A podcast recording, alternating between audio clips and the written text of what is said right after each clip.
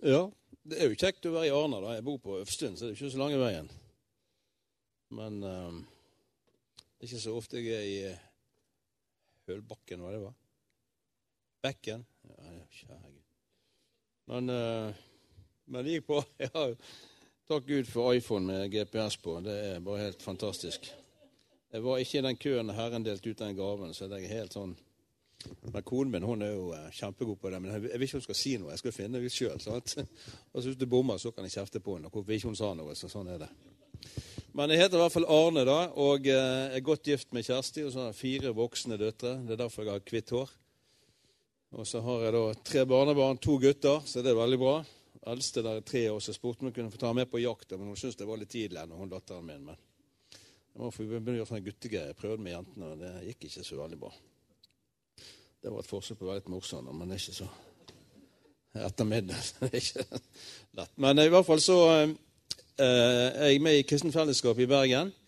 Eh, ansatt i kristent nettverk. Så, ja, det sånn, Vi har bare plantet en del menigheter. Vi har vel en 20 menigheter i Norge som, som vi jobber med å ha tilsyn med. Og så jobber vi med tilsvarende nettverk i, i England og USA, så jeg reiser veldig mye i, inn i ulike menigheter og hjelper de til å nå ut og mennesker for Jesus primært. Så Det gjør jeg i England, og så i eh, USA og Canada. Og så har vi stort misjonsarbeid inn i eh, Kina, Vietnam, Filippinene, som jeg er involvert i. Så det er takknemlig til Gud. Og så um, har jeg liksom fått denne brannen inne med da, etter at, å dele Jesus med andre mennesker. Og Det har jo vært en sånn prosess da, og, som det har vokst frem mer og mer. Og så... Uh, ser jeg at de aller fleste kristne de ligger litt uh, i skyttergraven når det kommer til evangelisering. Så det skal jeg ikke snakke om i dag. Så kan du bare slappe av. For der har vi allerede dårlig samvittighet, alle av oss. Og det hjelper oss ikke akkurat da. Men, uh, men, jeg tror Gud skal vise oss kanskje en annen måte å tenke på som gjør at vi ikke um, tenker at vi må være en annen person enn den vi er, før Gud kan liksom bruke oss der ute. Eh, men det er mye bedre at eh, det er interessant når Jesus kalte disiplene, så kom han til akkurat der de var, sånn de var. Og så tok han utgangspunkt der, og så gikk de videre sammen med han. Og disiplene var veldig ulike. da, De var jo uh, veldig forskjellig utrustning, akkurat sånn som vi er her inne. Sant? Og de hadde forskjellige gaver. Men de hadde én ting felles, og det var at de var alle menneskefiskere. Og da tenker jeg at uh, jeg, min bønn er at jeg skal få lov til å appellere til denne menneskefiskeren inni deg. da sånn at du kan finne ut at du kan faktisk eh, eh, Virkelig at Gud kan få bruke deg, og mye av det du allerede gjør, eh, det funker faktisk veldig bra. Men du var gjerne ikke klar over det. Men det, det tenkte jeg skulle snakke litt mer om på søndag. Men eh, for noen år siden og så eh, skal vi se, Blir det litt lys på denne? Det er vanskelig å se der, ja. For noen år siden så eh, talte Gud til meg om at jeg skulle skrive en bok. Og det Du vet jeg har begynt å argumentere. Jeg har aldri tenkt å skrive en bok i det hele tatt. Men du vet, å argumentere med Gud er akkurat som å argumentere med en kone din. vet Du sant? Du vet hun vinner til slutt, og du kan bare gi det med en gang. Men i hvert fall så, så skulle jeg skrive en bok, men den skulle ikke være tjukk, for folk leser ikke tjukke bøker. Eh, men innholdet i boken der er jo ikke bare noen ting som jeg har kommet frem til sånn uh, i hodet mitt, men det er et levd liv, og det vi har sett uh, Guds prinsipper fungere i så mange ulike kulturer og så mange ulike land. Så endelig mandag den er ikke tjukk. Og, eh, og evangelisering selger jo veldig dårlig, men den boken der har vært bestselger nå i tre år. Og det er jeg kjempeglad for. Ikke fordi jeg er blitt så veldig rik på det, men det er fordi det er en lengsel ute i, i nasjonen vår iblant kristne til virkelig å gripe det her enkle som gjør at vi alle sammen kan være med og smitte Jesus til andre mennesker. Eh, og, eh, og, det er min bønn i kveld òg, at, eh, at, du skal i hvert fall få med deg noe ting som gjør at du kjenner at dette her kan jeg faktisk gjøre. Ok, Så endelig mandag. Det er en god tittel. Så jeg kom ut med en ny bok nå rett ved sommeren som heter 'Jeg fant, jeg fant'. Så jeg stjal fra Askeladden. Han skulle jo på jakt etter halve kongeriket og prinsessen, mens vi har fått hele kongeriket. Og på veien så brøt han ut 'Jeg fant, jeg fant'. Han fant ting som han kunne få bruk for senere. Og, eh, og 'Jeg fant, jeg fant' det er en tittel for det at eh, når Jesus, eh, vi får være med og se Jesus bli funnet for å finne mennesker gjennom oss, så kan vi rope ut 'Jeg fant, jeg fant'. Amen. Ok? Jeg må få lov å begynne med en Jeg var i, i, i Wales nå i, i, sist i helgen. da. Sist i helgen. Sist helg. Og så besøkte jeg en menighet der. Og da um, Nei, unnskyld, jeg var i Polen var det uken før. Det går litt i kryss her. Og Der var det en av en sånn husgruppeleder som fortalte en historie. Jeg må fortelle den historien. Han var bare så knallgod. altså. Og Da var det en av disse her huslederne som sa at uh, min søster ble spurt om hun kunne passe hønen til noen, et vennepar. De skulle vekk en helg. Og så hadde hun sagt ja, nei, kan jeg, jeg, kan jo bo i leiligheten deres hvis det går. Så det gjorde hun. Hun bodde der hun skulle passe hunden. Og så skjer det her at hunden dør. Og du vet, Hvordan skal jeg fortelle? Hun måtte jo si det til de folkene. Hvordan skulle liksom ikke ødelegge helgen de selv? Men hun måtte jo bare ringe og si vet du hva, så hunden er død. Og De syntes jo det var trist, men så sa de ja, det var jo egentlig ikke helt sånn eh, overraskende. Han har vært syk, men det gikk, jo ikke, det gikk litt fortere enn vi hadde trodd. Men, men, hva skal jeg gjøre, de, sa hun. Nei, du må ta, Hvis du kan ta han til dyrlegen, så kan de ta seg av hunden, den døde hunden. Ja, det kunne hun gjøre. Men så etterpå tenkte hun så han er jo stor, denne hunden. Hvordan skal jeg klare å få den hunden til dyrlegen? Så fant hun at de hadde en sånn stor trillekoffert. da. Og så hiver hun denne greiene oppi, oppi denne kofferten. da, og lukker igjen, og Så begynner hun å dra denne igjennom. Det var et stykke å gå, dette, sant? men det gikk jo greit så lenge du skulle trille det. Men så kom hun til en sånn her, noen voldsomt lange trapper. Og hun sliter på denne kofferten med denne bikkjen opp av trappen. Og det er jo tungt. Og så kommer det heldigvis kommer det en, en ung mann som spør trenger, trenger du hjelp. Ja, takk skal du ha. Det var noe stilt deg, liksom. Og så begynner han å dra. Men det var jo tungt for han da. Så han spør hva er det du har oppi denne kofferten der. Og Hun her var sikkert ikke født på ny, da, for hun sa hun kunne ikke si det var en død bikkje der. Men nei, det er noe sånn musikkutstyrgreier. Et eller annet sånt. Så, så han der fortsetter å dra kofferten opp, da. Og så når han kommer på toppen, da, så stikker han av med kofferten. Genialt. Hun med en gang. Å ja, OK, bare ta den, liksom. Du kan liksom se, se for deg han der fyren som skal Ja, ja. Sånn er det. Når det kommer til det å, å, å, dele Jesus med andre Hvis vi kan glemme det som jeg sa i sted, hvis vi kan glemme evangelisering For, det, for meg så handler det om et liv. Eh, det livet som jeg har med Jesus. Det er utgangspunktet for alt det som går på å, å nå ut med, med evangeliet. For at Evangelisering for meg og som jeg sa i sted, er litt sånn unaturlig for de aller fleste kristne. Det er liksom sånn at du skal gjøre noen ting som på en måte ikke er helt deg, eller du, du går ut av komfortsonen, og det kan være litt sånn tøft. Eh, det kan det jo være. Eh, men det som, hvis du ser på Jesus' sitt eget liv, så begynte det ofte på fjellet. Sånn, du kan bare klikke på den første der. Og en til, så har du det.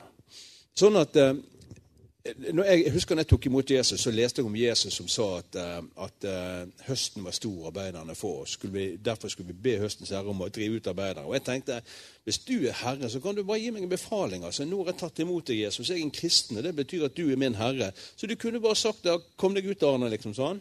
Men han gjør ikke det. Han begynner ikke med det. Han, han begynner med å si at høsten er hvit, og så sier han dette her at, eh, at vi skal be høstens herre om å drive ut arbeidere.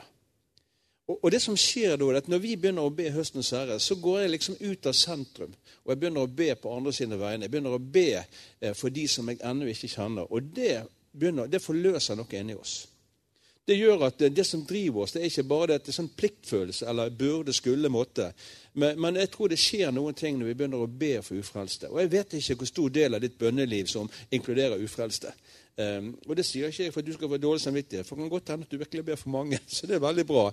Men hvis du ikke ber for, vær så snill og så bare begynn å nevne noen i nabolaget ditt. eller et eller annet, altså, Gjør noen ting. Begynn å be for andre før du For det her går for meg å søke Guds rike først. da. Sånn at eh, for meg, Mitt andagsliv eh, for å si det sånn, tror jeg kan være viktigere for naboen min enn for meg av og til. For i mitt andagsliv så, så er det noe som skjer når jeg begynner å søke Jesus. Når jeg får tak i hans hjerte, når jeg får tak i hans kjærlighet. Sånn at alt det Guds ord sier om det Jesus har gjort for meg, det har han også gjort for mine naboer, eller de som jeg kommer til å møte for alle mennesker. Han har ingen favoritter. Det er litt kjedelig, det, men sånn er det bare. Sånn at Når jeg leser om Jesu kjærlighet, jeg leser om korset, når jeg leser Guds ord, så prøver jeg alltid å si her, hva betyr dette også for de menneskene som jeg vil møte. Jeg vil ikke gjøre det bare personlig. Sånn at Ordet 'personlig kristen' det er jo greit, men det blir liksom aldri helt personlig heller. For det at eh, vi har ikke fått en liten Jesus, vi har fått verdens frelser som bor på innsiden. Og han favner hele Arna og området, hele denne bekken her også. Ja? Jo, men det er sant. Det, det, er han som bor her inne. Eh, og derfor at Det er altså kjærligheten som driver oss. Jeg husker jeg var i, i, eh, i, i England lang tid tilbake, og så skulle jeg snakke med en pastor om vi skulle snakke om eh, sånn misjon og det å vinne mennesker for Jesus. Det var kjempeviktig. Så vi skulle gjemme oss inn i et hjørne på denne restauranten her. Og fordi vi skulle snakke om veldig viktige ting. Og så gikk han bort og skulle ha en kopp kaffe. Så kom det en gammel mann og spurte om jeg kunne hjelpe han. Eh, for han hadde jo et brett der med en kake, og jeg er jo kristen, så må jeg si ja. Det er jo helt... Eh, så, så jeg hjalp jo han gamle mannen der, men så måtte jeg stikke, for vi skulle snakke om så veldig viktige ting borti det andre hjørnet. da. Og, eh, men det som var rart, når jeg satt og snakket med han pastorvennen min da, om viktige ting, så var det veldig sånn at fokuset mitt, øynene mine var på han, men det var et eller annet som skjedde her inne. Sånn at når jeg snudde meg, så ser jeg jo han gamle mannen som sitter der borte. Og så så jeg på han, så tenkte jeg han så noe voldsomt ensom ut. Men selvfølgelig måtte jeg snakke om det som var viktigere. sant? Jeg kunne ikke bli distrahert. Men til slutt så klarte jeg ikke å fortsette. Jeg sa til kompisen min at altså, du beklager, jeg må bare gjøre noe. Og så fulgte jeg hjertet mitt, og hjertet mitt tok meg til den mannen der. Jeg gikk bort og så hilste på han og sa du, eh, du kjenner jo ikke meg, men kan jeg få lov å sitte Ja, ja, veldig, veldig gjerne. Bare sitt ned. Ja. Så sa jeg bare det at jeg var kristen, og at jeg, eh, når jeg så på han, så begynte jeg å tenke på Jeg hadde lyst til å si til Gud elsker deg. Gud har en plan for deg. Og så begynner han å bare åpne opp og begynner å fortelle om ensomhet. og Konen var død, barna bodde i Australia, han var aleine. Og så fikk jeg lov å dele Jesus med denne mannen her, da, som gjorde at han ble helt forandret. Og så fikk han, eh, han Vennen min fikk eh, eh telefonnummeret han som skulle følge han opp. da. Og tenkte hva var det som skjedde? Jeg tror av og til så vil hjertet ta oss til mennesker der hodet aldri blir til oss. Her oppe skal vi analysere alt, og vi skal liksom tenke gjennom alt. og Tenk om hvis, og hva vil de si hvis, og men, men, det er noen ting her inne. Det står at Gud har utøst sin kjærlighet til våre hjerter. Og Da tenker jeg altså at eh, hvis jeg Jeg kan jo bare gi det jeg har til mennesker. Hvis det lugger i mitt forhold til Jesus, så er det siste jeg tenker på, det å nå ut.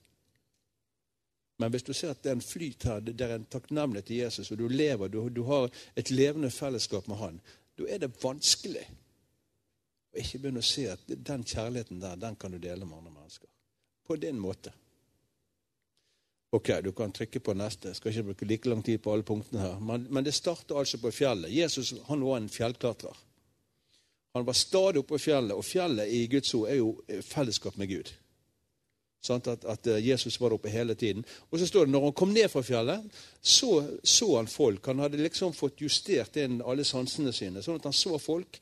Og det tror jeg òg. Når vi er i Guds nærvær, når vi er, har et, andags, et levende andagsliv, Eh, når vi ikke går til liksom bare for at vi må, men, men, du har et fellesskap med Gud, så skjer det noe med sansene våre i møte med mennesker.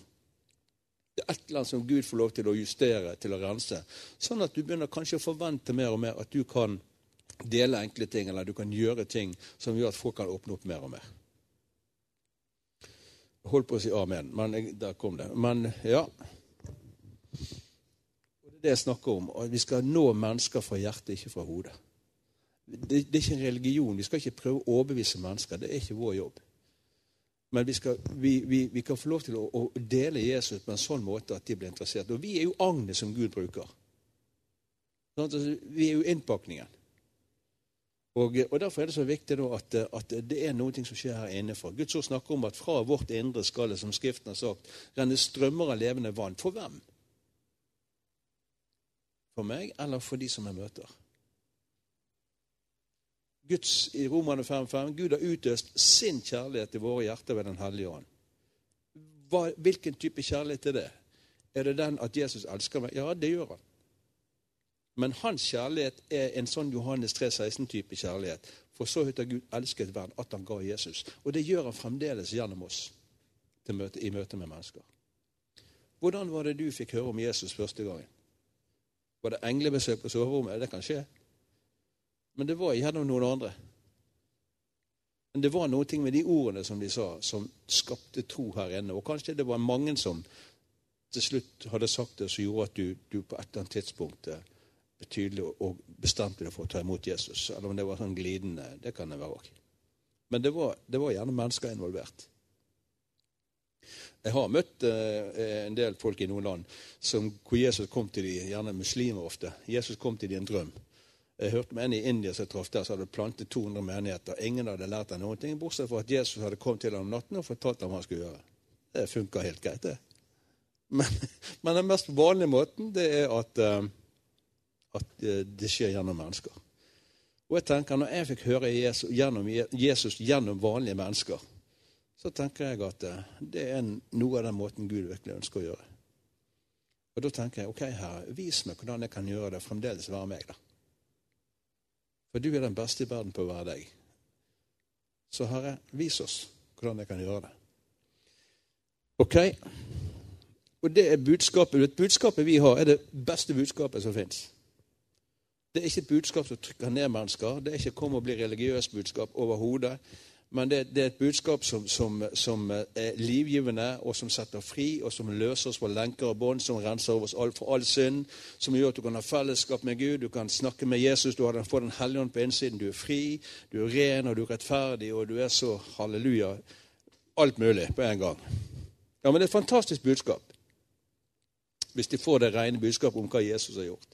Og Det er det Norge trenger å høre, for det er utrolig mange i Norge som aldri har hørt evangeliet. De har hørt et eller annet, men de har ikke hørt evangeliet. Veldig mange mennesker. Og, det er evangeliet som Guds kraft til frelse. Men evangeliet er gode nyheter. Sant? Men, men, det som jeg har merket av og til, at jeg kan, jeg kan godt dele de gode nyhetene, men så ser jeg ut som noe annet. For jeg er liksom sånn. Og jeg føler liksom sånn som jeg snakket om i sted, at jeg, jeg, må jo gjøre det. Jeg er jo kristen, og jeg bør jo gjøre det. Og så kommer vi nedenfra, liksom. og så skal vi klare å Men det er ikke der Gud vil ha oss. Det er ikke der Gud vil ha oss. Gud vil at uh, han vil ha oss på et sted hvor han kjenner at vi har, vi har fred med Gud. Og, uh, og uh, vi er faktisk fornøyd med oss sjøl, sånn som Gud har skapt oss. Hvordan kan vi elske vår neste hvis vi ikke elsker oss sjøl? Ofte når vi våkner om morgenen, vet du, sånn, så går vi gjennom hele registeret, alt jeg ikke kunne, og dette skulle jeg, og det burde jeg ha gjort. og sånn. Vi må, begynne, vi må begynne med Jesus, ikke begynne med denne listen. der. Den hjelper oss ikke i det hele tatt. Sånn. Men det er noen ting i takknemlighet til Jesus. Og jeg sier PIN-koden. PIN-koden altså for å leve et sånt liv som dette her, hvor vi ikke bare deler de gode nytt, men vi er godt nytt. Det er fire bokstaver. Og det er TAKK. Takk. Og når vi lærer å takke Gud under alle omstendigheter, ikke for alle ting, men dere lærer lære å takke Han gjennom alle ting, så skjer det et eller annet med oss også i møte med mennesker. Og det har jeg merket så mange ganger. Jeg går ikke rundt det sånn at jeg går og elsker alle mennesker. Åh, sant? Jeg er ikke akkurat der alltid. Men Gud er noe større enn meg. da. Men det er et eller annet som skjer allikevel når jeg vet at, uh, hva Gud har gjort for disse menneskene her. Og så finne en måte Jobbe, samarbeide med Den hellige ånd. Jobbe med å, ta noen steg, da, som vi kommer inn på litt uh, videre her. da.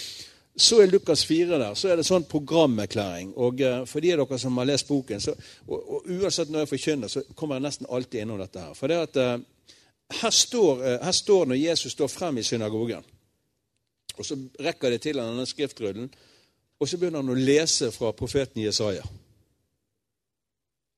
Og så begynner han å si at Herrens ånd er over meg.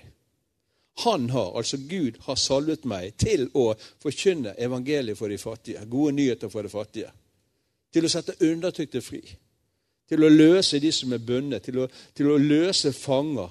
Og til å, uh, til å helbrede mennesker. Til å, til å uh, forkynne Guds rike og, og proklamere et nådens år for Herren. Det var, det var en fantastisk profeti fra Jesaja. Og så står han rett foran dem, men han er jo ikke ferdig. Nå står alle sammen og ser på Jesus. Og så sier han at eh, akkurat nå, når dere hørte denne profetien, når jeg leste disse ordene her, akkurat nå så har den gått i oppfyllelse. Jeg er oppfyllelsen. Jesus var oppfyllelsen for den profetien. Og vi vet jo, det var det Jesus gjorde. Han gikk omkring, han, han, han, proklamerte godt nytt. Han satte fanger i frihet, uansett navn på det fengselet. Han, han, reiste opp døde, han helbredet syke, han, grep inn. Han kom nedenfor, han løftet folk opp, han tjente dem. Han, var fantastisk i møte med mennesker. Han var synder og tolleres venn. Han var beinhard med hyklerne, men mot mennesker generelt så var han fantastisk. Sånn at han var jo oppfyllelsen. Med hele, med hele sitt liv så var han oppfyllelsen av denne profetien. Og Da må jeg få lov til å være utrolig dristig. Og Hvis du kan ta meg, så må du ta meg på Guds ord. Hvis ikke du kan det, så kommer jeg til å stå i deg og forkynne det veldig tydelig. Og det er det at når I Hebreerne 13 så står det at Jesus er den samme i går, i dag og til evig tid. den samme. Hva betyr det, folkens? Det må jo bety at det han gjorde når han gikk fysisk omkring på jorden, det gjør han i dag også. Og nå vet vi at Jesus sitter ved Faderens høyre hånd. Sånn at hodet til kroppen sitter i himmelen, men kroppen hans er oss. Og Da drister jeg meg til å si at vi er oppfyllelsen av denne profetien for folk i Arna i dag, 2016. For det at Jesus sa, og det er Jesus som sier dette her, det at vi skal gjøre de samme tingene som han gjør. Eh, for det at, eh, og så gikk han til Faderen, og så fikk han Den hellige ånd. Og så øser han Den hellige ånd ut over, over disiplene på pinsedag. Og så begynte de å fortsette den gjerning som Jesus hadde begynt, å vise dem. Eh, og, og, det at Jesus var salvet av Den hellige ånd med, med, kraft, det er jo det som står i apostelgjerningene 1,8, at vi skal få kraft når Den hellige ånd kommer over til Det er ikke at vi skal få en sånn eksklusiv opplevelse eller et eller annet sånn der eh, lyn og torden. Ja, det kan godt hende det skjer, men det vet ikke jeg noe om. Det har ikke noe med følelser eller sånne greier å gjøre. Men det har noe med at vi skal få en kraft. Og denne kraften er ikke ment for at jeg skal kjenne gåsehud på ryggen eller sånne ting. Det kan godt hende. Det har ikke jeg hatt så ofte. men og hvis jeg har hatt det, så har det ingenting med Den hellige ånd å gjøre. Men poenget er hele at vi har fått en kraft til å være vitner for Jesus. Og det var akkurat det som skjedde på pinsedag. Den samme ånd som hadde reist Jesus fra de døde, den samme ånd som var der i begynnelsen da Gud skapte, den samme ånd som var med Jesus, som drev Jesus ut i ørkenen, som ledet Jesus i hans gjerning da han gikk omkring på jorden. Den samme ånd har tatt bolig i oss når vi tok imot Jesus. Og den, den ånd vil han skal fylle alle rom i dette huset her, ikke bare noen rom. Men det står altså vi er salvet av Gud med Den hellige ånd og kraft.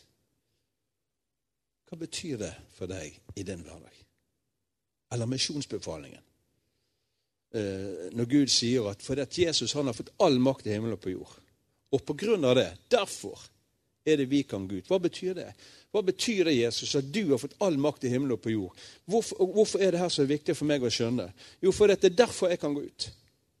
Og Det betyr bare at jeg kan leve i denne her, den makten som Jesus har, den autoriteten som han har. Så har han gitt sitt navn til oss, at vi kan gå og vandre i det navnet Jesus. Med alt det det innebærer. Det må ikke bare bli noe, en teori som sitter i sinnet vårt. Men så sier han at vi skal gå ut. Eh, og vi skal forkynne og lære og mennesker alt det Jesus har befalt oss om, å holde. Og så skal vi døpe dem i Faderens, Sønnen og Den hellige ånds navn. det var helt umulig oppdrag. Det var ikke kjangs. Men han slutter jo ikke der. Han sier òg, se, jeg er med dere alle dager inntil verdens ende', inklusiv denne dagen. Hva betyr det for oss? Vær så snill når du leser Guds ord. Du må jo lese det inn i din hverdag, inn i min hverdag. Inn, inn i menigheten sin hverdag. Der vi er akkurat der han har plassert oss. Så må jo misjonsbefalingen bli veldig levende for oss. Og det må jo bety noen ting når han sier at han er med deg hver eneste dag. Og Det betyr altså inklusiv dagen du går på jobb, eller i nabolaget, eller i matbutikken, eller når du ser familien, eller når du er et eller annet sted. Så er det ikke sånn at han er på og av. Han har jo tatt bolig i det her inne med sin ånd. Så du kan, du kan liksom ikke kle han av deg. Det å være en kristen er, er jo ikke noe du er i tillegg til å være deg. Du er en kristen. Kristus har tatt bolig i oss med Den hellige ånd. Og Det folkens, er for meg så utrolig viktig i, når vi snakker om det å dele Jesus med andre mennesker. For det at vi føler at vi skal gjøre det. Jeg skal overbevise det. Jeg må prøve. Jeg skal ta meg sammen. Og så kan vi misjonsbefalingen, og så, og så sender vi ut misjonærer. Og det er jo fantastisk.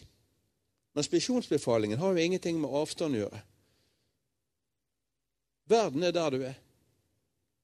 Du kan ikke gå ut og dele Jesus her hvis du bor i Kula Lumpur, eller motsatt og livet dagen i dag. Ofte så har vi så lett for liksom å ta mer tro på fremtiden enn på dagen i dag.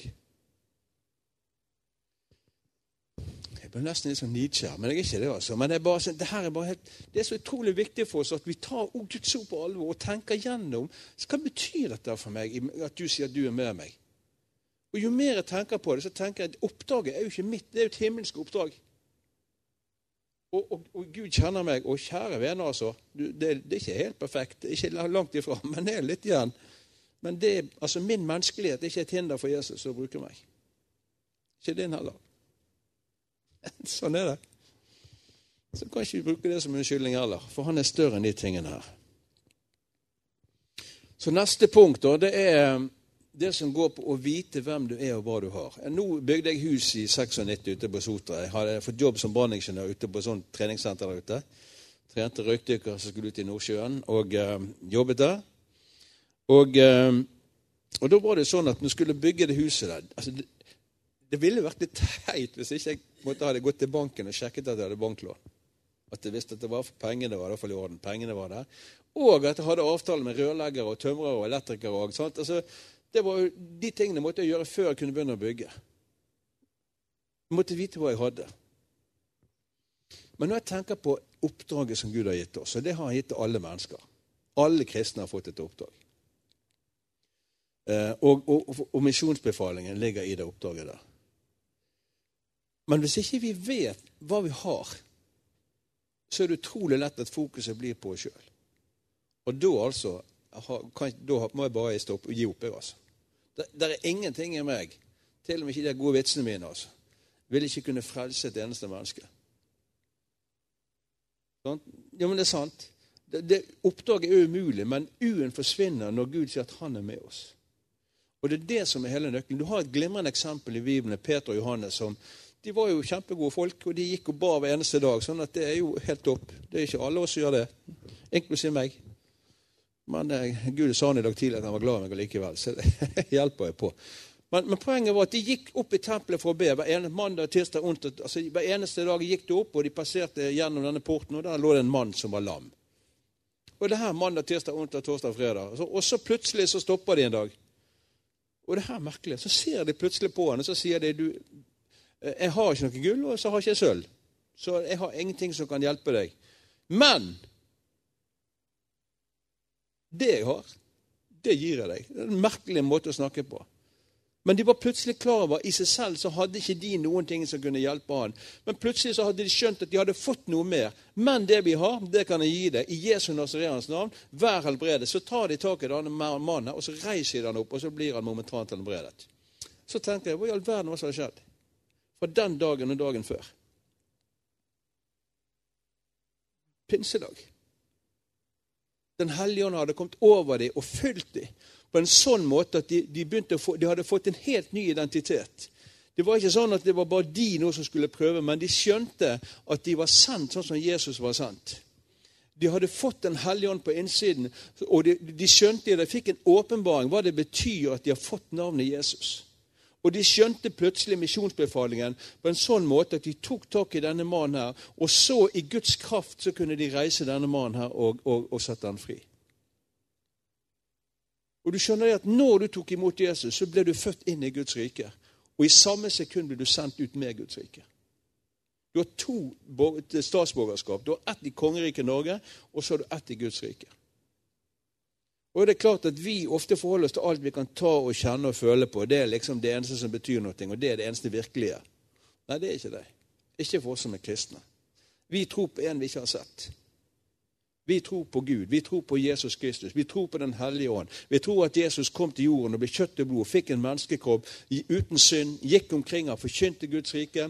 og Han, han, han eh, tok på seg all verdens synd, han ble gjort til synd. Han døde på korset, og han tok all verdens synd med seg ned i dødsriket. Og han ble reist fra det døde tredje dag, og Gud gjorde til herre over alle ting. Og han sitter ved Faderens høyre hånd. Det forkynner vi, og det tror vi på.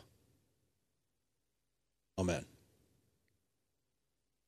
Men tror du på at Gud, Fader, Den hellige ånd og Jesus Kristus er med deg i din hverdagsvandring? Da du ble frelst, du ble du født inn i noe, og du fikk et oppdrag i samme sekund. Klarer du å se evangeliene inn i din hverdag og vite at Den hellige ånd, som var der når Gud skal bli lys, og som tok ordene og skapte lyset, bor her inne? Og Da tenker jeg for meg så er det noen ting som, som er, jeg, helt fra jeg ble født på ny i, i, i 83, så har det vært en, noen, en lengsel der inne. Og, og, det er klart Jeg har sett utrolige ting, men det har ikke noe med meg å gjøre. Men jeg hadde en lengsel der inne, for jeg visste at jeg vil ikke bare ha en teori, men det her må være ekte vare. Jeg vil, jeg vil se de samme tingene skje som skjedde når Jesus gikk omkring. Eh, og jeg har gjort masse rare ting og mange dumme ting, men det er greit, det. Det er prosesser. Ellers, ellers i livet så, så takk, Du begynte ikke å lære å sykle når du hev deg på syklene, så var det bare joho, og så var det full fart. Du gikk jo på godt bergensk på trynet, kan jeg tenke meg. Var det feil, eller var det en del av læringen? Men vær så snill, vi må vite hvem vi er, og hva vi har tilgjengelig. Det er ikke bare sånn at ja, men det er bare meg og ja. Nei, det er ikke bare deg.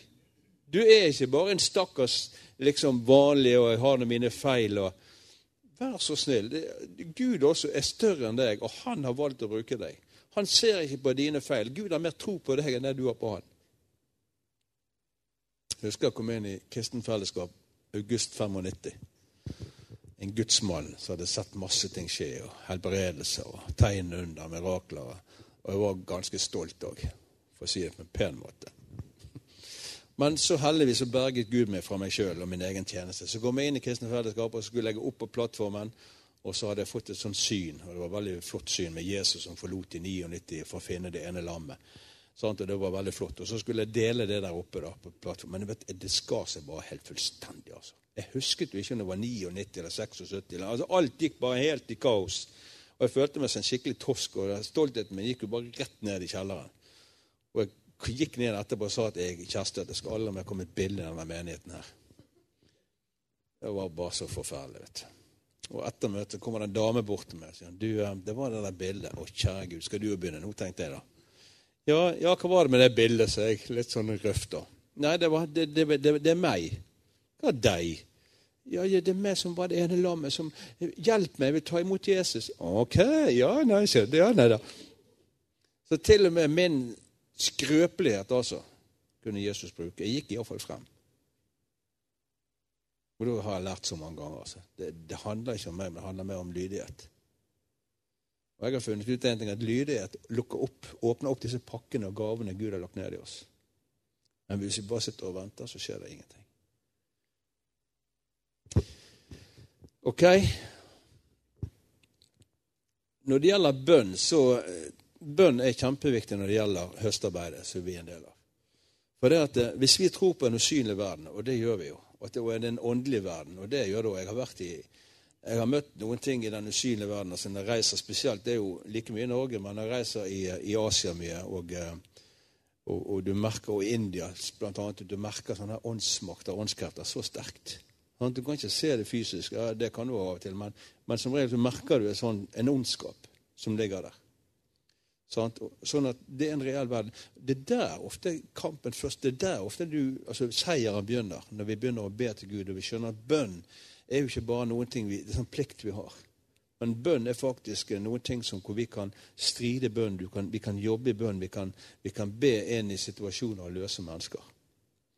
Og, eh, og det, er det, det, er faktisk mange kristne som ikke har opp, fått den opplevelsen. Men jeg, jeg vil utfordre meg sjøl og, og, og, også med her at eh, det å hjelpe Hellige Ånd, lær meg å be. Vis meg bønnen. Vis meg hva som skjer når, når vi ber. Og, eh, og, jeg tenker Lukas 3 for meg, når jeg leste dette, at hvert fjell skal senkes, og hver dal skal fylles, og de krokete veiene skal rettes ut, så står det så alle skal se Guds frelse. Og kanskje det er sånn med naboen din som er litt sånn stridig, liksom, eller kollegaen din som er veldig sånn verbalt veldig imot alt mulig. Kanskje det var en eller annen opplevelse et eller annet tidspunkt i livet hennes som gjorde at hun fikk et sånt stort fjell. Som står foran henne som en sånn stor hindring. Så jeg har gjort mange dumme ting. Det kan godt hende at noen sliter pga. det dumme ting som jeg har gjort før.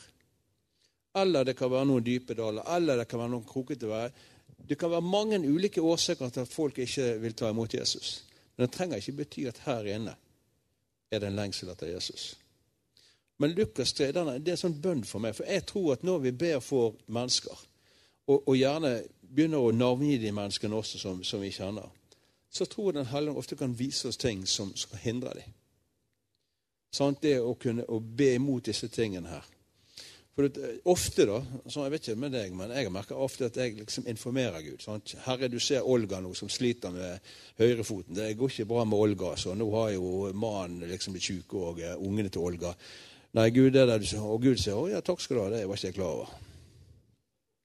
Bruker vi lang tid på det. Men er det mer, er ikke kanskje litt lurt at han informerer oss? For at vi er et folk som har fått Den hellige ånd på innsiden. Vi er åndelige skapninger. Og Den hellige ånd er vår rådgiver, Den hellige ånd er vår veileder, Den hellige ånd er talsmann, han er kraften, han er, han er, styrken vår. Og han vet jo hva som skjer i, i, i, nabolaget. Han vet hva som skjer på arbeidsplassen din. Eh, og Jesus sa når han møtte mennesker, så så han alltid far først, i Johannes 5, 19. Og sånn er det for oss. Alle mennesker vi møter, så har Den hellige ånd allerede vært der. Og da tenker jeg det er det smarte samarbeidet med Den hellige ånd.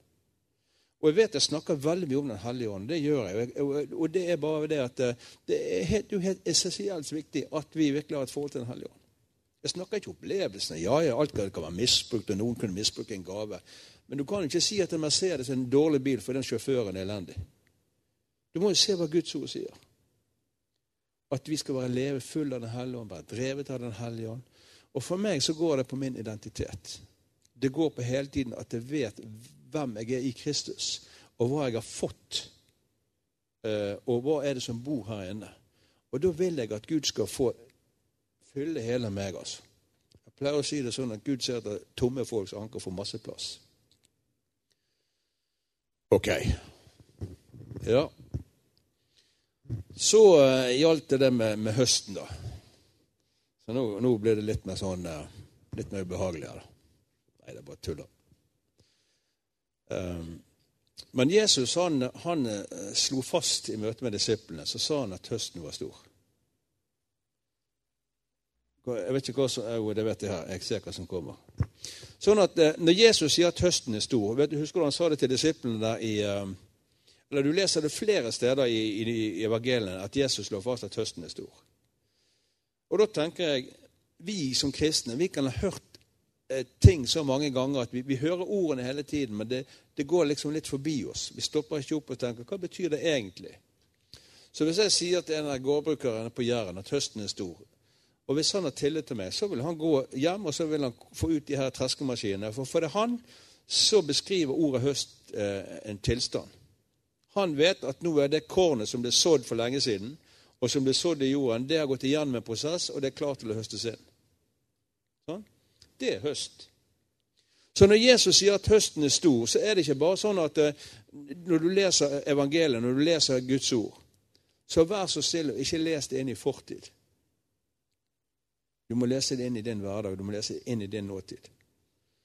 Sånn som Hver gang jeg leser ordet disippel, når Jesus snakker til disiplene, så stiller jeg meg midt i veien. Altså. For jeg vet at jeg er en disippel, og Guds ord snakker til meg. Så vær så snill, det er en levende bok. Det er alltid et nå-ord som kommer i Guds ord. Det skaper liv. Det er Guds ord. Det er ikke bare en, en tolkning. Men Bibelen, den Bibelen her er for meg Guds ord. Og Det her kampen står i Norge i dag. Og ikke bare i Norge, men det her kampen står. Men jeg tror at Bibelen er Guds ord. Eh, sånn at Når jeg leser at Jesus sier til meg at høsten er stor, da, så sier han til oss i dag at høsten er stor. Det er ingenting i veien med høsten men det, det er arbeiderne er få. Sånn at eh, det betyr bare at Når det står 'høsten er stor', så betyr det at det er mange mennesker, i Arne også, som har gått igjennom en prosess hvor det har vært sådd ting. Eh, det kan ha vært langt tilbake, det kan være mange folk i denne her, eh, lenken her. Men det har vært sådd noen ting, og så har det startet en prosess, og så har det begynt å vokse, og så er det så klart til at det kan høstes inn. Det er høst. Og det gjelder også i Arne. Og, og, og, det her har altså sett så mange ganger i så mange steder. Eh, du kommer inn i et område og folk sier at det er så vanskelig det er så tungt det er så hardt. Vi har ikke sett mange frelst. Det kan jeg skjønne, men jeg er ikke enig. Jeg kan være enig med at det ikke er så mange frelst.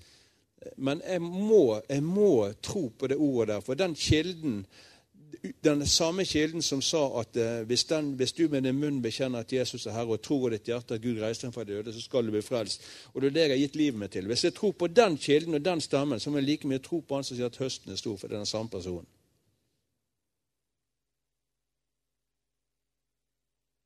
Og hva er det som gjør at det skulle være annerledes i Arna?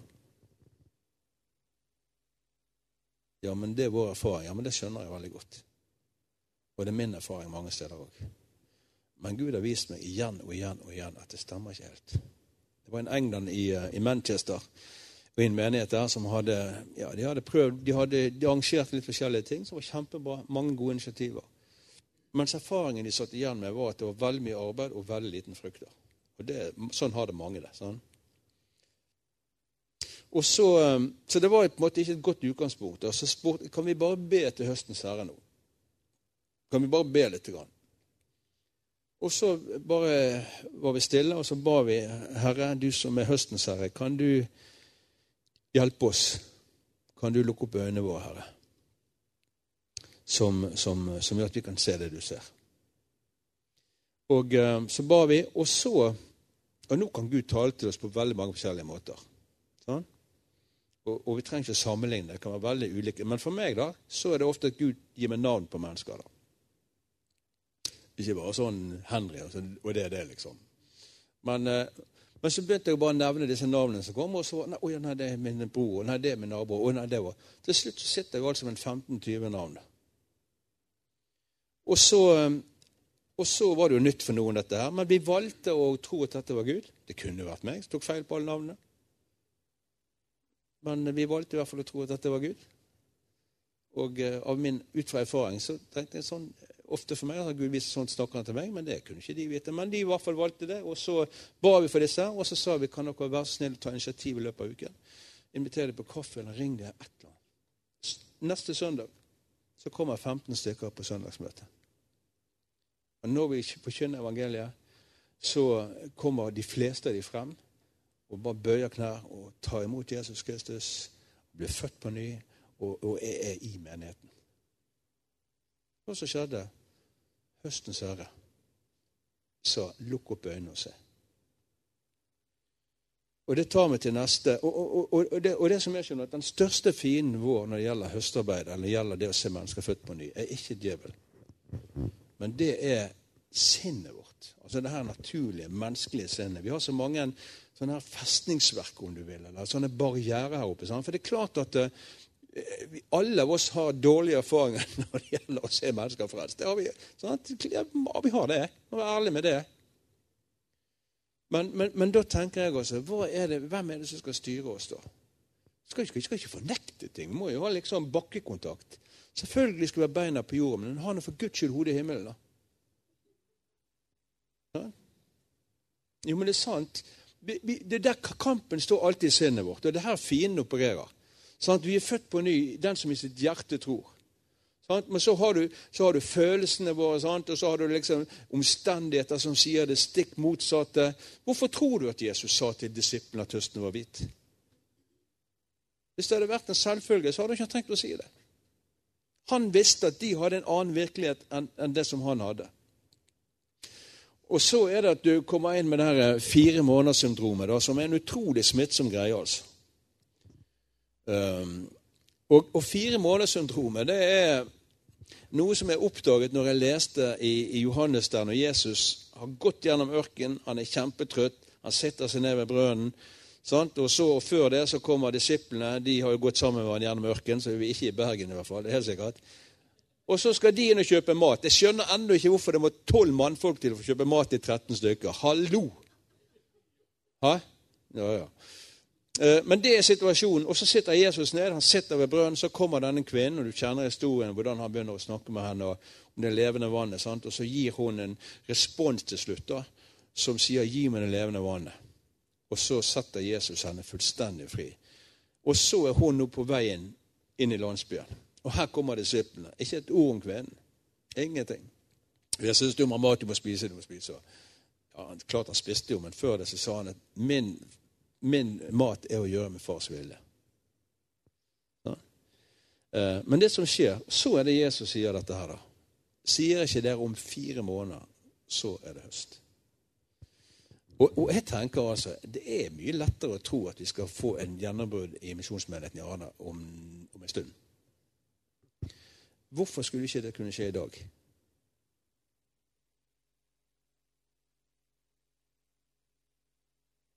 Hvorfor skulle ikke det kunne skje i dag? Ja, men det, det har jo ikke skjedd før. Nei. Men vi tjener en, en Gud, vi, som også kan gjøre under. Og jeg, jeg har sett altså at på en menighet blir fordoblet. Og da snakker ikke bare en hånd i luften eller de bare bønnen. Men du så resten av kroppen komme inn òg. Liksom, altså, du, du, ja, men de kunne bli fordoblet i løpet av en dag eller to. Men det er altså så mye lettere å skyve på ting. Fire måneder representerer alle mine negative erfaringer. Eller mangel på erfaringer. Det representerer alt som forteller meg noe alt. Alle omstendigheter, alt du kan lese om i nyhetene, og at Norge blir mer og mer avkristnet, og så og så, og mange melder seg ut. Og, og det, men vet du hva? Gud har full kontroll, og han sitter på tronen. Han tar ikke nervetabletter. Ja, Men det er sant, han har full kontroll. Og det er det riket vi tilhører.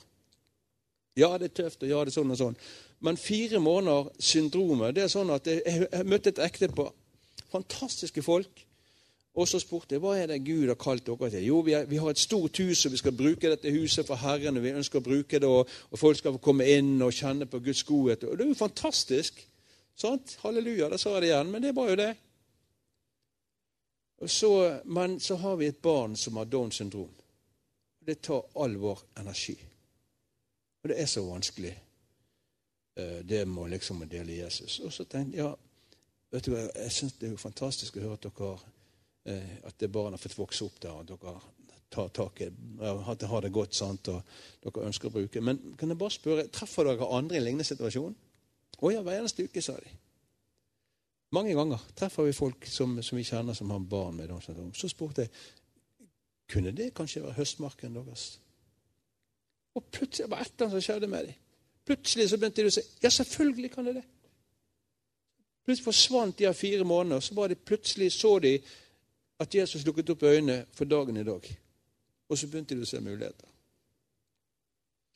Og det fins en motmedisin mot dette syndromet her. Altså. Og det er en svær, diger sak av en sprøyte. Altså.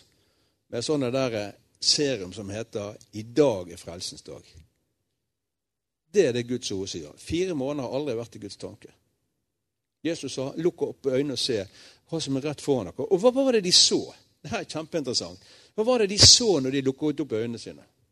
Det var de samme menneskene de hadde møtt på veien inn i byen. Det var de samme menneskene de møtte på vei ut av byen.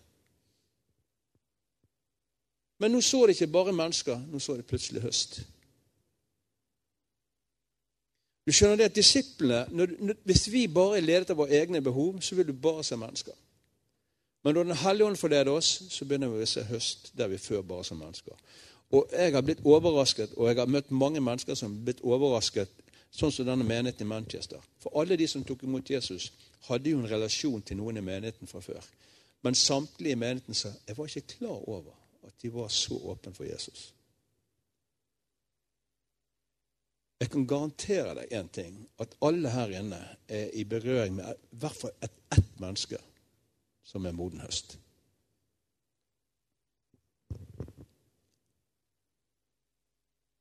Jeg har vært inne i så mange menigheter, så mange land.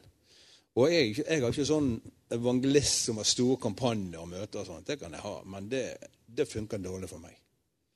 Men det som funker veldig bra for meg, det er at hvis jeg kan komme sammen med, med mennesker, sitte meg ned sammen og snakke sammen, del om nettverket ditt, del om de menneskene som du kjenner på jobb, snakk litt. Grann. Og i en sånn prat plutselig så kan noen liksom begynne å bli liksom levende igjen. Sant? Og, så, og så har vi sett igjen og igjen at folk begynner å ta imot Jesus. Og, og, og, det som jeg gjør for min egen del, er at jeg av og til må ta en sånn timeout og sitte meg ned og, i en stol altså spørre Helligånd, kan, kan du hjelpe meg? Kan du ta meg gjennom liksom, eh, nabolaget litt? Er det, er det, noen ting? For Den hellige ånd jobber med mennesker. Og Den hellige ånd for meg er rådgiveren og veilederen og kan vise oss ting. Og plutselig så skjer det et eller annet da, i denne her fasen som gjør at eh, det skjer noen ting. Og gjenkjenn moden høst. Vi kan ta neste der òg. Så er det sånn at eh, forkynnerne Går det bra, dette her? Jeg snakker opp inn- og utpust, men det går fint, det. Um, det er jo sånn at, at uh, I Forkynnerne 3.11 så står det at Gud har lagt en engs, lengsel etter evighet ned i alle mennesker. Og igjen så, så, er jeg så ganske naiv jeg, at jeg tror at Guds ord eh, mener det det sier. da. Og Det betyr folkens, at jeg tror at alle mennesker et eller annet sted der inne har en lengsel etter evigheten, etter, etter Gud. Eh, for det at eh, Jesus, det I Lukas 1910 så står det at Jesus kom for å oppsøke det som har kommet bort, for å berge det. Og Jeg liker det uttrykket 'kommet bort'. Det betyr at på et eller annet tidspunkt så tilhørte det noen. Og Det er det vi er kalt til. Det er og, at Jesus skal forsøke gjennom oss. Og Det kommer til å snakke litt mer om på søndag. For å finne det som er kommet bort, for å bringe det tilbake inn til far. Du har den fortapte sønn som, som eh, forsvant, som forlot far og alt sammen. Sant? Og så plutselig, sammen med grisene, så kom han til seg sjøl. Og så visste han hva han hadde, og så gikk han far i møte, og far kom løpende imot ham. Uh, og, og, sånn er det med Gud også.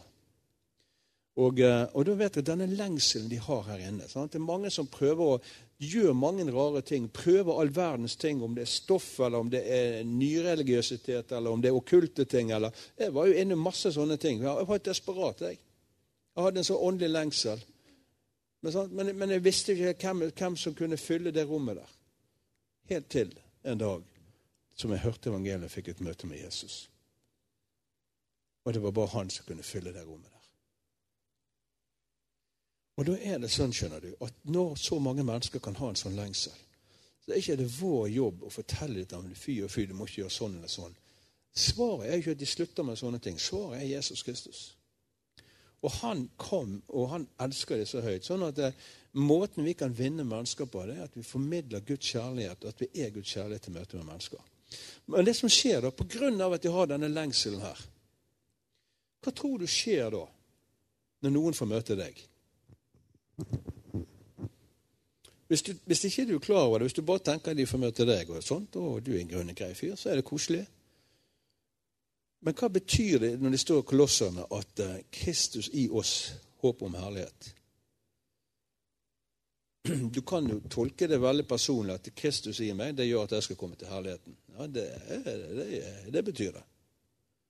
Så det trenger ikke du lure på, men det, det gjør det. Men det er mye mer enn det. Kristus i oss, verdens frelser i oss, er håp for dine arbeidskolleger. Kristus i deg er håp for dine naboer. Kristus i deg er håpet om din familie, selv om det med familien er grådig vanskelig. For noen her inne har noen i familien som ikke er frelst, og det er så vanskelig. Og liksom, hvordan skal du? Ja, Men Kristus i oss. Og det som skjer er at Når folk har denne lengselen her inni oss, og vi kommer på banen, vi kommer i nærheten, så tror jeg faktisk at folk kan merke det. Det kan være noen ting med oss. Og Da ønsker jeg bare å introdusere noe som jeg skriver om i boken min her. Det er altså høstspråket. Og det at høsten snakker til oss. Høsten sender signaler til oss. Roper gjerne ikke ut at 'jeg vil bli frelst', 'jeg vil bli en kristen'. Men de kan rope ut mange andre ting. Plutselig så begynner det å skje ting som jeg tenker 'Hvorfor i all verden sier de det til meg?' og 'Hvorfor sender de disse signalene her?' og 'Er det helt tilfeldig, eller, eller kan det være gudfeldig?' Og når jeg begynte å jobbe med dette, her, så var det så mange anledninger som dukket opp. Plutselig så, så snakket du med noen, og så begynte du å dele personlige problemer. Jeg husker når jeg jobbet som, eh, som branningeniør og hadde et kurs i beredskapsledelse inne i Sogn med flere bedrifter. Og så var det en bedriftsleder der som satt inne i salen. og når jeg så på han, så tenkte jeg han ville ta en liten prat med. Så om, når kvelden kom, så satt han inne i baren. Så jeg gikk inn i baren og eh, satte meg ned med han. Og vi begynte å prate, og så plutselig begynte vi å snakke om alle ting om ekteskapsproblemer. Da tenkte jeg høstspråk. Hvorfor i all verden skal han snakke til meg om ekteskapsproblemer? Ser jeg ut som en eller annen sånn greie som kan løse alle sånne ting, eller? Ikke, ikke si ja, da. Nå ødelegger du poenget mitt. Jeg har sånne nyver. Det ser ganske sint ut, vet du. Men jeg har vært nærsynt siden jeg var fem år. Så. Men poenget er, når han begynte sånn, så tenkte jeg høstspråk.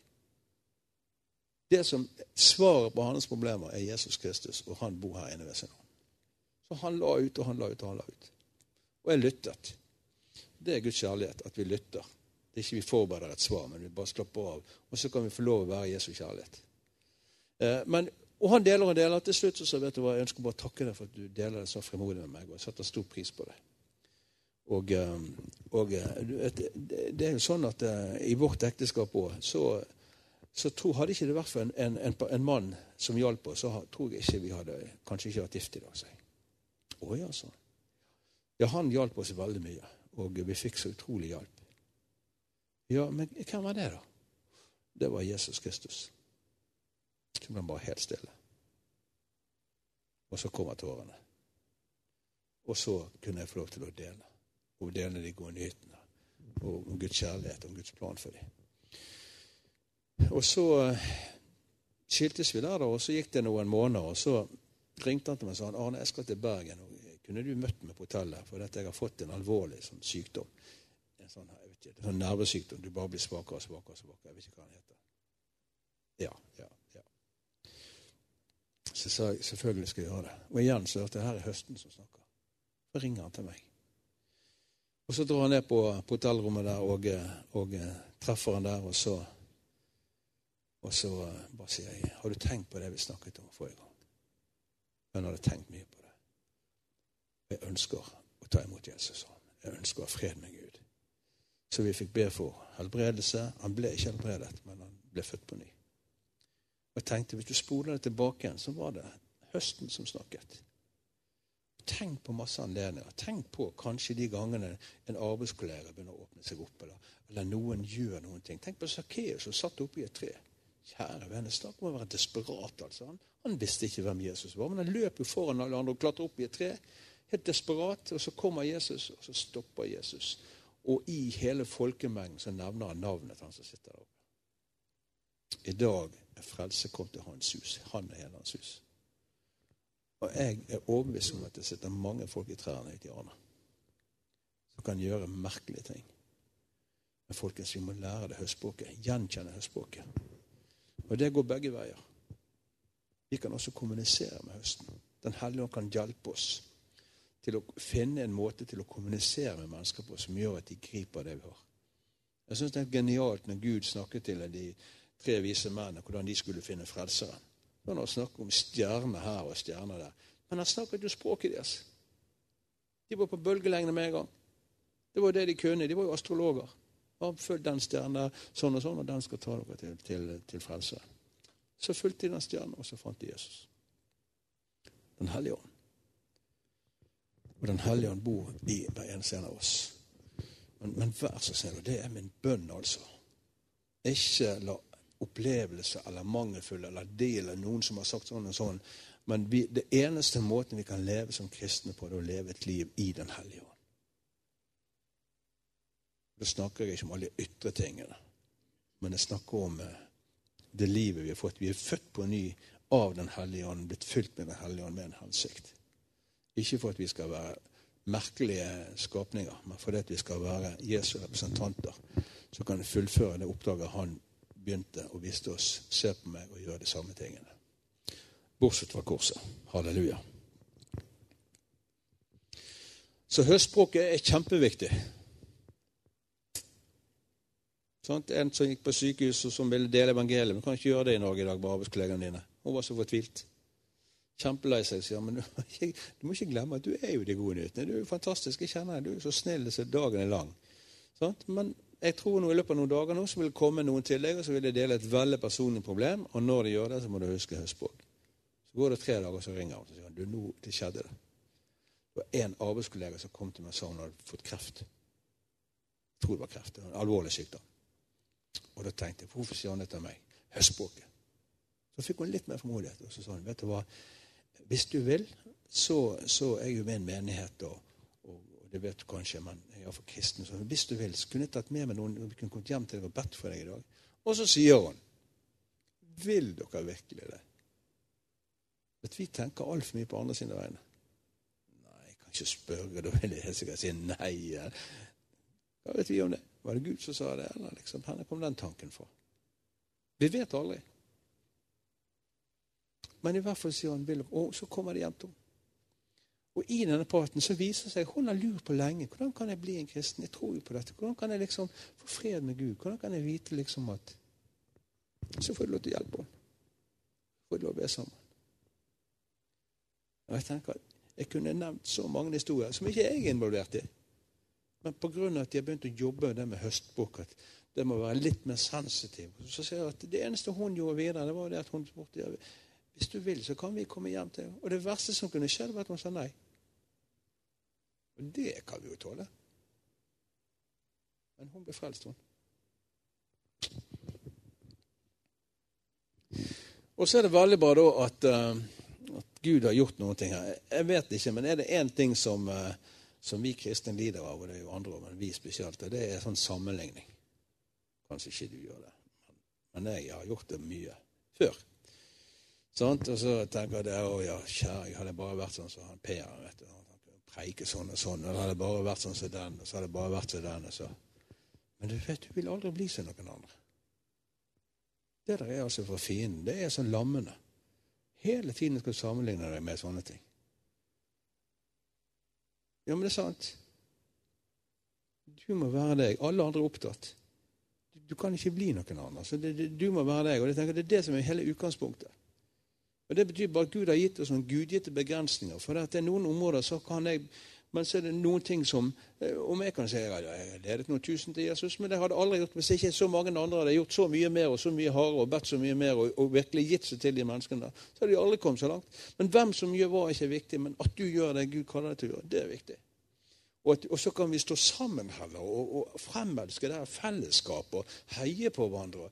Kjære Gud, altså, når det kommer en evangelist som ser millioner av folk frelst, så må vi bare takke Gud i himmelen for det og hjelpe han og heie han, prøve å løpe med han, og så løper han sikkert fra meg på et eller annet sted. Men, det, men da for Guds rike går jo frem. Og, og, og, når menigheten blir sånn at du kan se liksom Kristus i hverandre, og ikke liksom med sånne der greier eller sånt, eller liksom å nei, og bare skulle bli sånn og sånn men jeg, jeg, når jeg går på badet om morgenen og står og ser i speilet Det første jeg sier, er 'takk Gud at jeg er gift'. Det sier jeg veldig høyt. Og uh, Nå håret stått alle veier og kanter, men det gjør det nå. ikke så mye igjen her. Men i hvert fall sånn. Og så sier jeg 'Herre, takk at uh, du skal bruke meg i dag'. Og takk at uh, du har kalt meg, og du har fulgt meg med Din Hellige Ånd. Og så tar jeg og puster godt inn, og så vet jeg at det er Guds velkommen til dagen i dag, hvor han skal få bruke meg. Og det stoler jeg på og så naiv er jeg. Og skjer det ikke noe særlig, så takker jeg Gud for at han, eh, at han var med meg. Gud måler deg aldri opp mot resultater,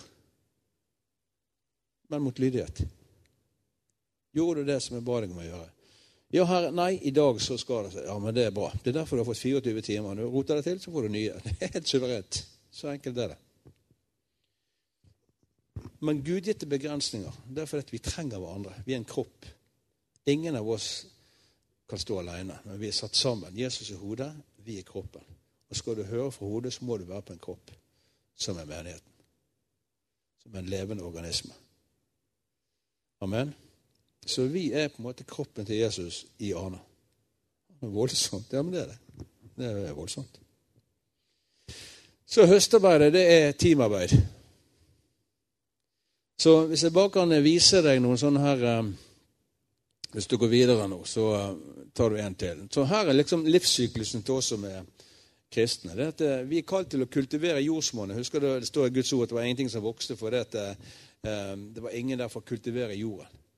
Sånn, sånn, at når vi lever dette livet, her, når vi velsigner mennesker, når vi oppmuntrer mennesker, og er kristne som, som er ok å være sammen med, så vi, tar vi bort masse snublesteiner. Så neste der, så er det sånn at eh, Når du så sånne frø, så er vi der, og vi kan be for mennesker.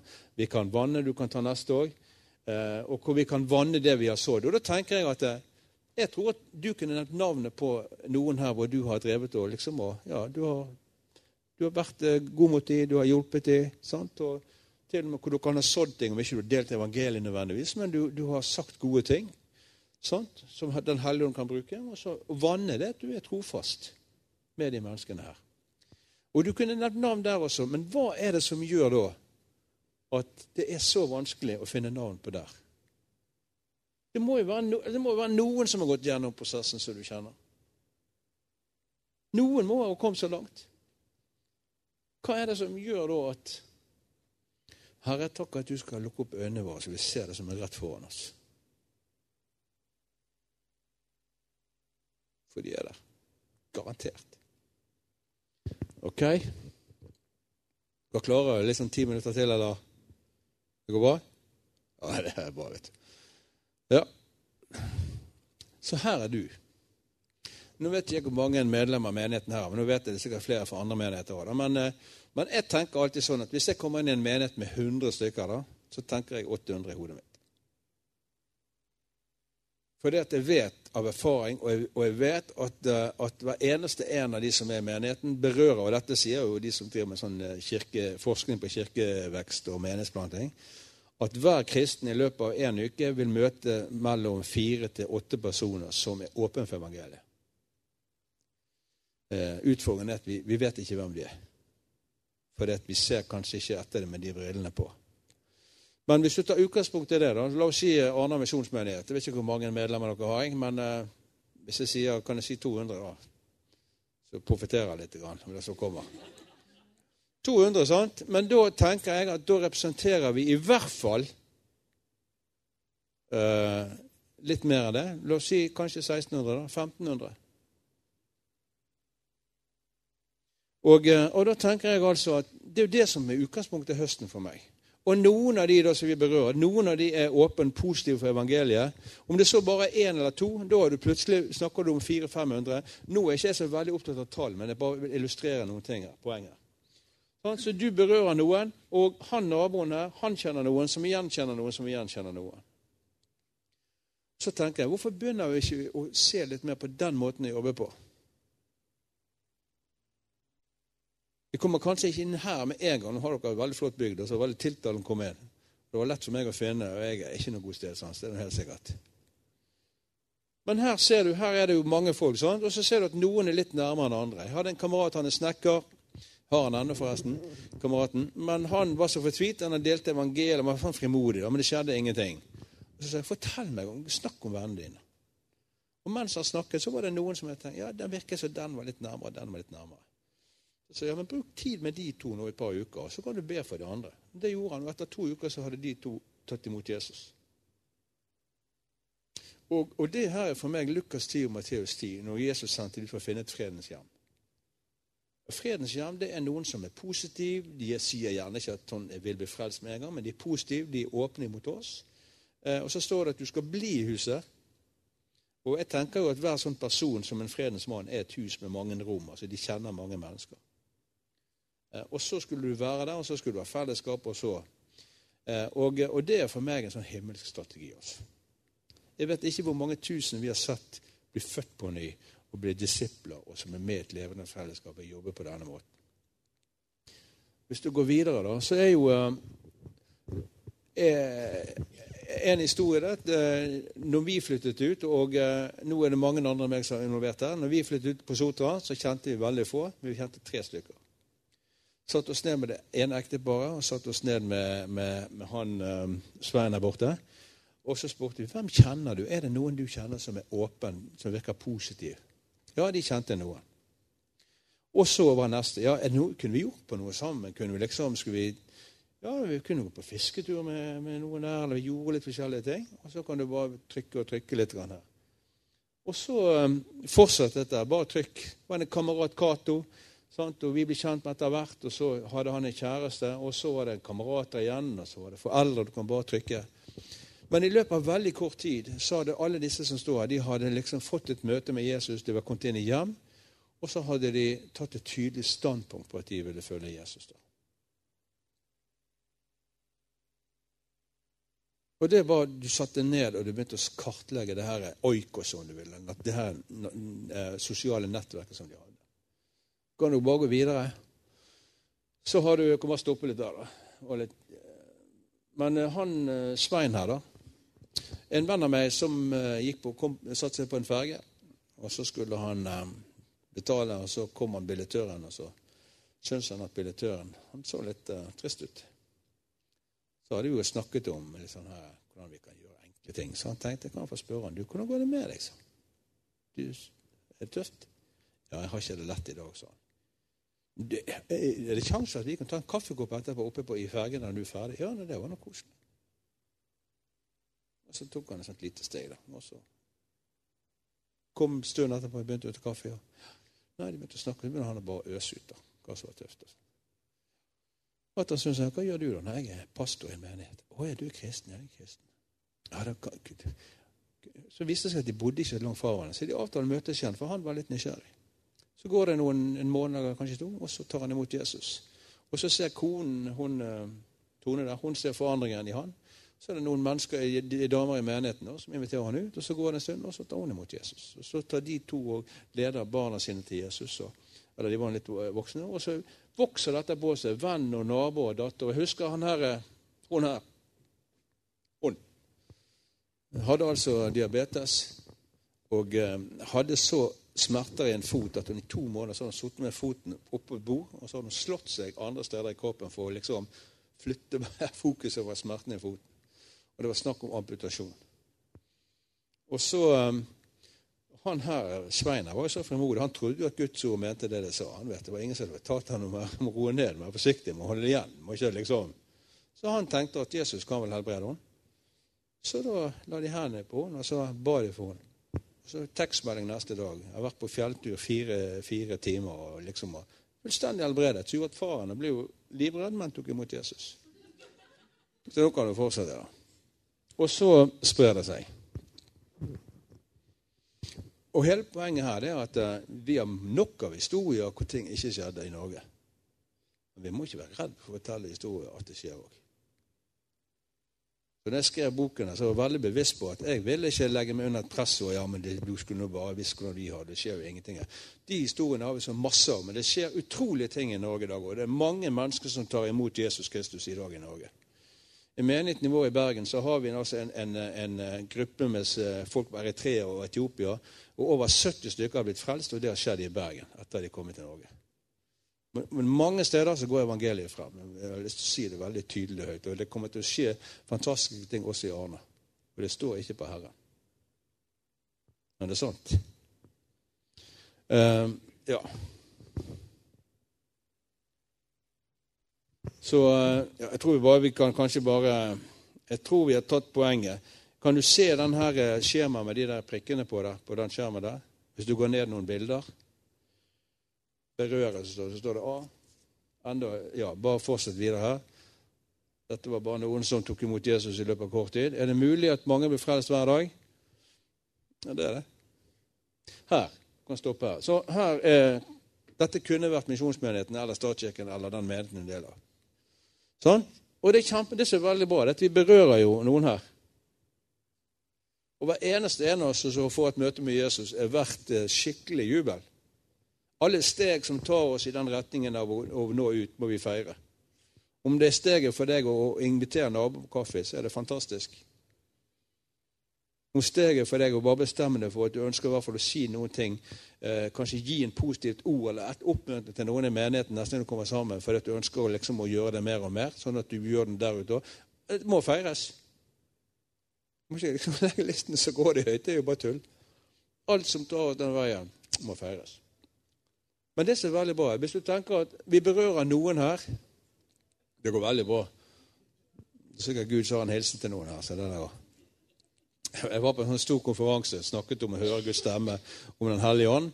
Og så hadde jeg nettopp fått ny ringelyd på telefonen min. Og så var sånn 'Arne, det ringer.' Han tok navnet mitt over. sånn. Og så, sa, og så var jeg kommet til det punktet der som sa at og du vet, Gud kan tale til oss på mange måter. 'Arne, det ringer!' Ja, ja. Men hvis du går videre her, så er det sånn at like mange mennesker kan faktisk berøre mange flere mennesker. Eh, og, og, det er der Gud vil ha oss. Det med å ha en forventning om at vi kan få se høsten. Ha en forventning og liksom å be og, og, og gå sammen. Finne en annen i menigheten, en kompis eller venninne eller et eller annet, så, kan, så vi kan hjelpe hverandre. Også I dag tidlig klokken ni så var jeg sammen med en bror. og det, Vi møtes hver uke fordi vi vil ha et disippelskap felle. Jeg ville Han skal høre litt med meg og sjekke hvordan går det går. Hvis ikke så kommer vi litt sammen. Og, men jeg vil på en måte ikke bare, jeg vil ha hjelp til liksom å holde fokuset. Og det er en fantastisk god hjelp. Men, men, men det er her livet leves, og det er her høsten er. Også i Arna. Amen. Og da kan du ta uh, siste og se en til. så... Uh, og trykker jeg til, så er det da. Og ordet ble kjøtt og blod og flyttet inn i nabolaget. Og det er det menigheten er. Jesus i nabolaget. Det er det som heimen din er. Jesus i nabolaget. Og da er min bønn altså at, eh, at, vi, at vi, hvis, vi bare, hvis vi virkelig bare ber til Gud altså, Herre, kan du hjelpe meg, Helligånd? Herre, jeg har masse dårlige erfaringer her, og jeg, jeg, jeg eh, og, og kjemper, denne kampen sitter her oppe. Men Herre, takk at du, eh, du er større enn alle disse tingene her. Og Herre, du ser Arna, du ser der du har plassert oss, Herre. For vi tror, Herre, at høsten er moden. Og da ber vi deg, Herre, som menighet og som enkeltindivider, at eh, Herre, kan du åpne våre øyne så vi ser mennesker og ser høst sånn som du ser dem. Kan vi få høre det du hører? Helligånd, takk at du er den som er evangelisten fremfor noen. Du kom for å overbevise om synd og skyld du bor i meg, Herre. Så Hellige Ånd, led meg. Eh, og takk, Herre, at jeg kan være meg selv. Takk at jeg kan eh, slappe av i det, Herre. Men far, vi ønsker bare som menighet og så bare sier far, vi i kroppen din òg Vi bare ber, gjør med oss her det du må gjøre. Men vi ønsker bare å eh, leve i misjonsbefalingen. Og jeg ønsker å, far, jeg ønsker å be her for alle som er her inne nå, her, inklusiv meg sjøl, Herre. Herre, takk at du bare løfter det åket av evangelisering av oss, Herre. Og så ber jeg om at du virkelig skal gi oss en åpenbaring, Herre, om hvem vi er, hva vi har fått Herre, i møte med mennesker, Herre. Takk at du gir oss en helt ny start, Herre. Og takk at du skal hjelpe oss, Hellige til, eh, til å lede oss, Herre, steg for steg, Herre. Takk at du kommer til oss akkurat der vi er, Herre, og så skal vi få gå sammen med deg videre, Herre. Og Herre, bare ber for hver eneste en her inne at de skal i løpet av kort tid få en erfaring her. At de tok et steg, Herre, eh, fra der de har vært før. Et riktig retning som gjorde at folk ble velsignet, Herre. Og far, om det var, og, uansett hva det er for noe, Herre. Men at de skal få en erfaring av å dele livet ditt som du har gitt dem, med andre, Herre. Og, og Herre, at i løpet av kort tid at alle de som er her inne, og den menigheten de representerer, Herre, skal se mennesker få ta et tydelig standpunkt og valg i å følge deg, Jesus. Far, i Jesu navn, det ber jeg om her, og det tror jeg hele mitt hjerte er, at du skal gjøre noen tegn iblant oss, her som gjør at du stadfester ordet ditt. I Jesu navn. Så Jesu Kristi nåde og Guds kjærlighet og samfunnet, fellesskap med Den hellige ånd, være med deg i din hverdag.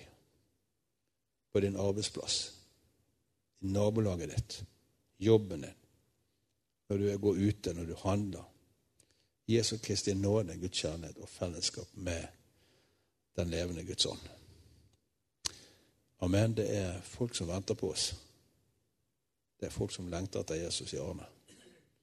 Så det er takk at Den hellige ånd skal lære oss og ta oss videre. Han har ikke gitt oss opp. Amen.